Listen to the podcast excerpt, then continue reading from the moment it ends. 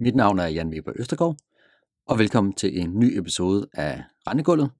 Og den her episode i dag, det vil faktisk også blive årets sidste podcast. Jeg har virkelig nyt at lave dem her igen i år, og ønsket til næste år, jamen det er bestemt at lave en hel del flere.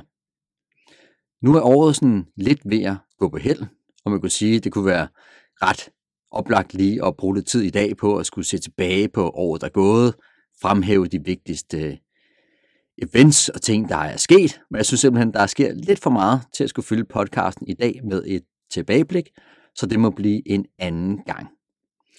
Så her til at starte med, så vil jeg faktisk lige fremhæve en analyse, som vi sendte ud tidligere i den her uge i vores øh, Reading Markets øh, Danmark, hvor vi tog fokus på prisningen på 30 år 5%, både sådan helt øh, overordnet i forhold til, ja, hvor meget kurspotentiale er der egentlig tilbage, men også meget specielt i forhold til, jamen, hvad bør de her farveforskelle egentlig talt være? Fordi der er jo en del forskel i debitorfordelingerne, som potentielt kunne betyde en hel del omkring potentielle træk, så frem vi får noget mere rentefald. Og jeg synes nemlig ikke helt, at den her risiko er fuldt priset ind i øh, de forskellige serier nu her. Så de vigtigste punkter, jeg egentlig vil øh, fremhæve for den analyse, og igen, tag et blik på analysen, det er lidt lettere at se detaljer, grafer, figurer osv., beregninger på skrift, end at lytte her i en podcast. Men det vigtigste ting, først, jamen, hvor højt kan de her 30 år 5% stige? Og det er selvfølgelig interessant, fordi de er altså også gået kursmæssigt i stå her på det sidste. Selvom der faktisk kommer noget af faldende renter, så er de altså ikke rigtig stedet i, i kurs. I går, torsdag, var det jo så, der så vi faktisk øh, kursfaldet 5%, selvom renterne faldt en lille smule.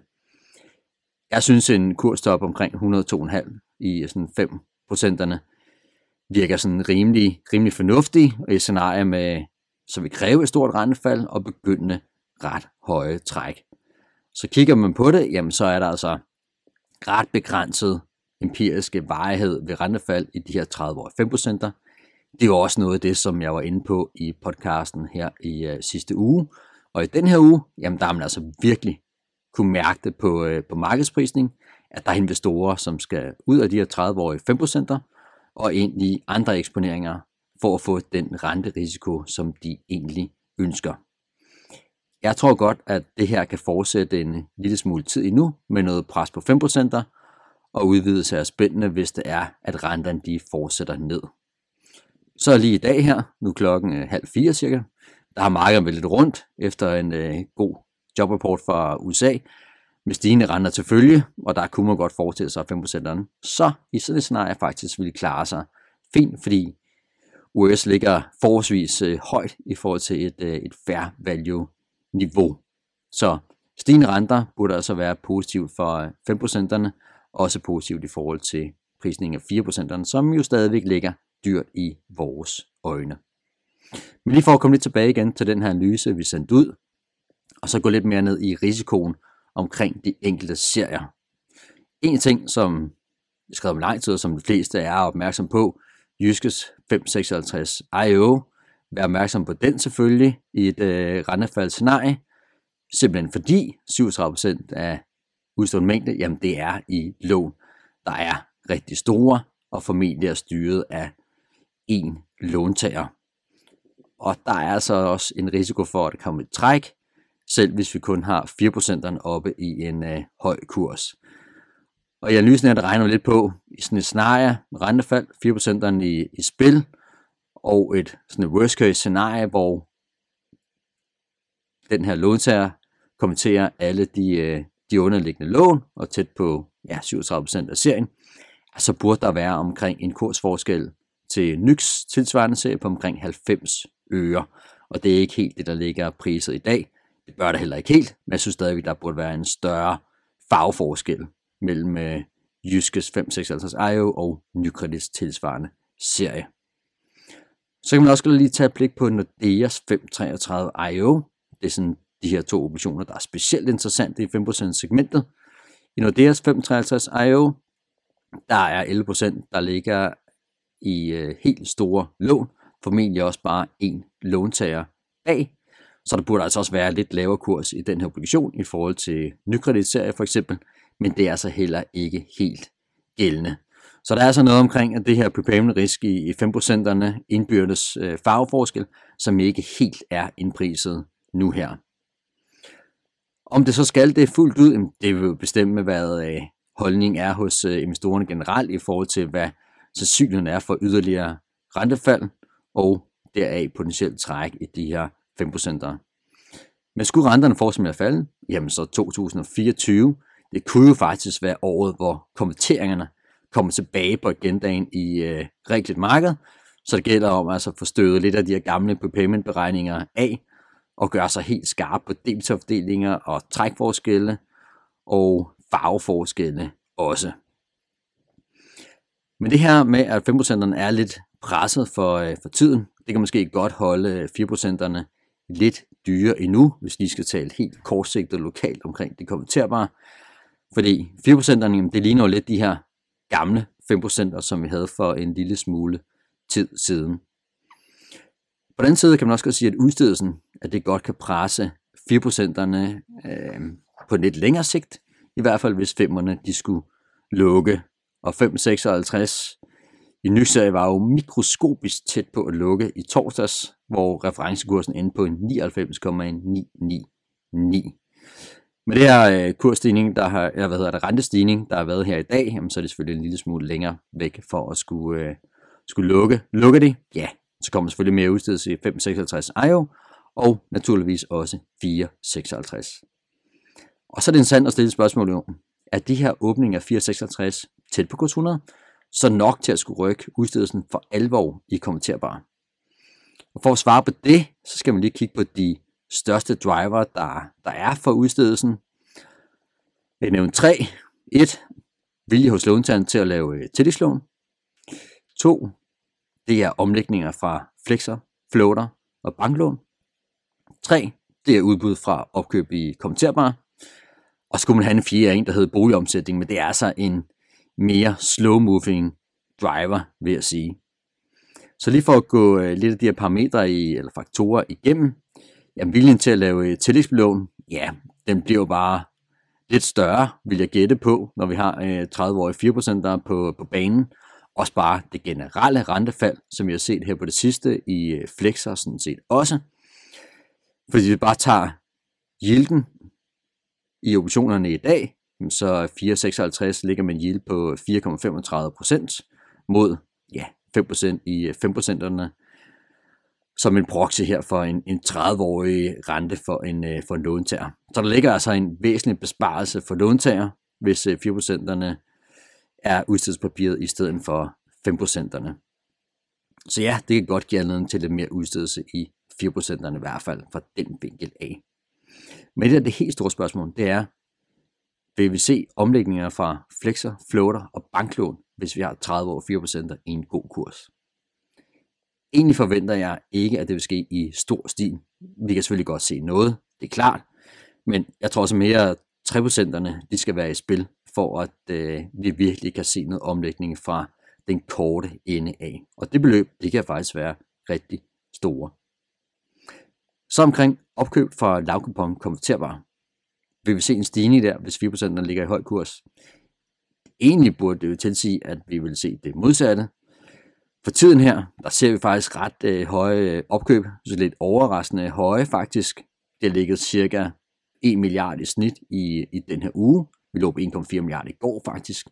Så jeg synes, det, det er svært at skulle se en, øh, en stigning på den baggrund.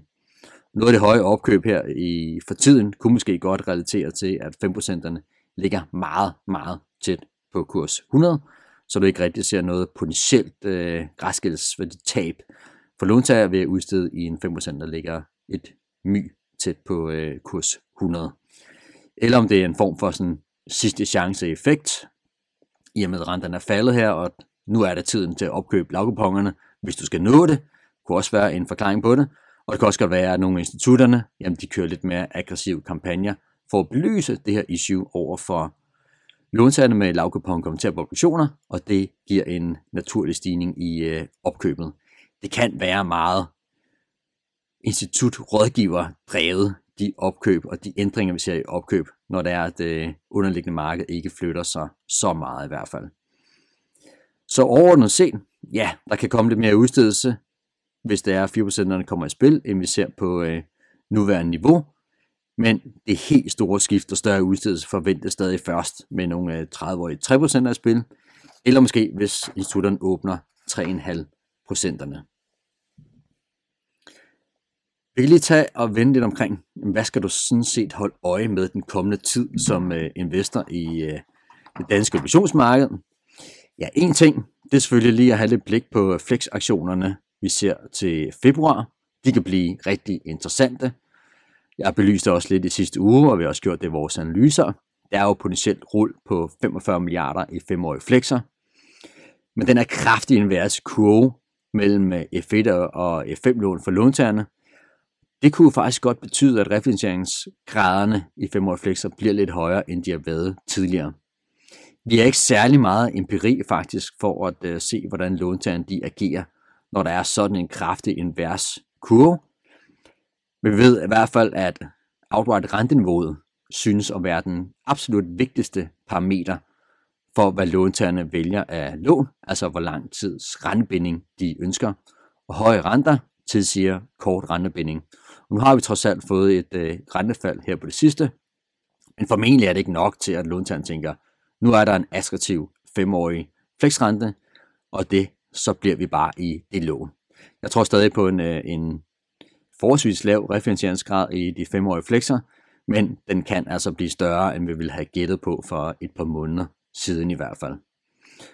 Så læg mærke specielt til RD's øh, aktionsudmeldinger, som øh, formentlig kommer snart. Altså sidste år, der kom de 14. december. Det plejer altså være RD, der kommer først med de her udmeldinger.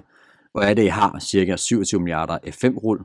Så den her melding, der kommer fra RD, meget snart formentlig, det kan være, den kommer i næste uge, den er interessant at følge med i, for at se, hvad de potentielt har af øh, F5-udbud, forløb i hvert fald, her inden øh, januar kommer, hvor januar jo er den sidste måned for låntageren til at skulle lave eventuelt profilskifte i forbindelse med aktionen. Så det bliver altså interessant at se. Så omkring restudstedelsen i realkreditter her mellem jul og nytår, der forventer vi os øh, ikke særlig meget. Der mangler simpelthen driver til, hvorfor der skulle være en stor udstedelse. Så altså rimelig beskeden udstedelse, og det vil så ske den øh, 27. december. Så er der lidt omkring strategi for statens låntagning i 2024. Den forventes også snart at komme på banen. Sidste år der kom den sent, det var den 22. december, som en lille tidlig julegave til markedet. Måske kommer den lidt tidligere denne gang. Det ved vi ikke rigtigt. Den kommer i hvert fald i år. Så der bliver selvfølgelig også lidt interessante ting at holde øje med der. Vi forventer, at der kommer en ny toårig stat, og så er det ellers selvfølgelig, hvad er sigtepunktet for statsudstedelsen til næste år. I år har den været 65 milliarder, og må det ikke det bliver nogenlunde det niveau til næste år. Men det bliver i hvert fald nogle af de ting, som øh, vi kommer til at holde øje med af lidt, øh, lidt markedsdriver her den næste stykke tid. Så vil jeg lige slutte af med at komme med en lille reklame for en øh, snarlig invitation til at lige at kickstarte 2024 med fra analysen her i øh, Danske Bank i København. Så i starten af januar, jamen der forventer vi at holde vores øh, konference med at se lidt frem til, hvad der kunne ske i 2024, og tale om, hvad vi synes, der er de vigtigste budskaber og de holdninger, vi har. Og det er altså både inden for, inden for makro, FX og fixed income. Så det er noget, som jeg øh, glæder mig rigtig meget til at skulle starte det nye år med. Men følg med i din, øh, din inbox. Hvis du er på vores kundeliste, så kommer der en invitation her ganske snart. Det var alt for øh, podcasten i dag, og øh, podcasten her generelt for 2023. Og vi høres ved i 2024, og jeg ønsker en øh, rigtig god jul og et godt nytår.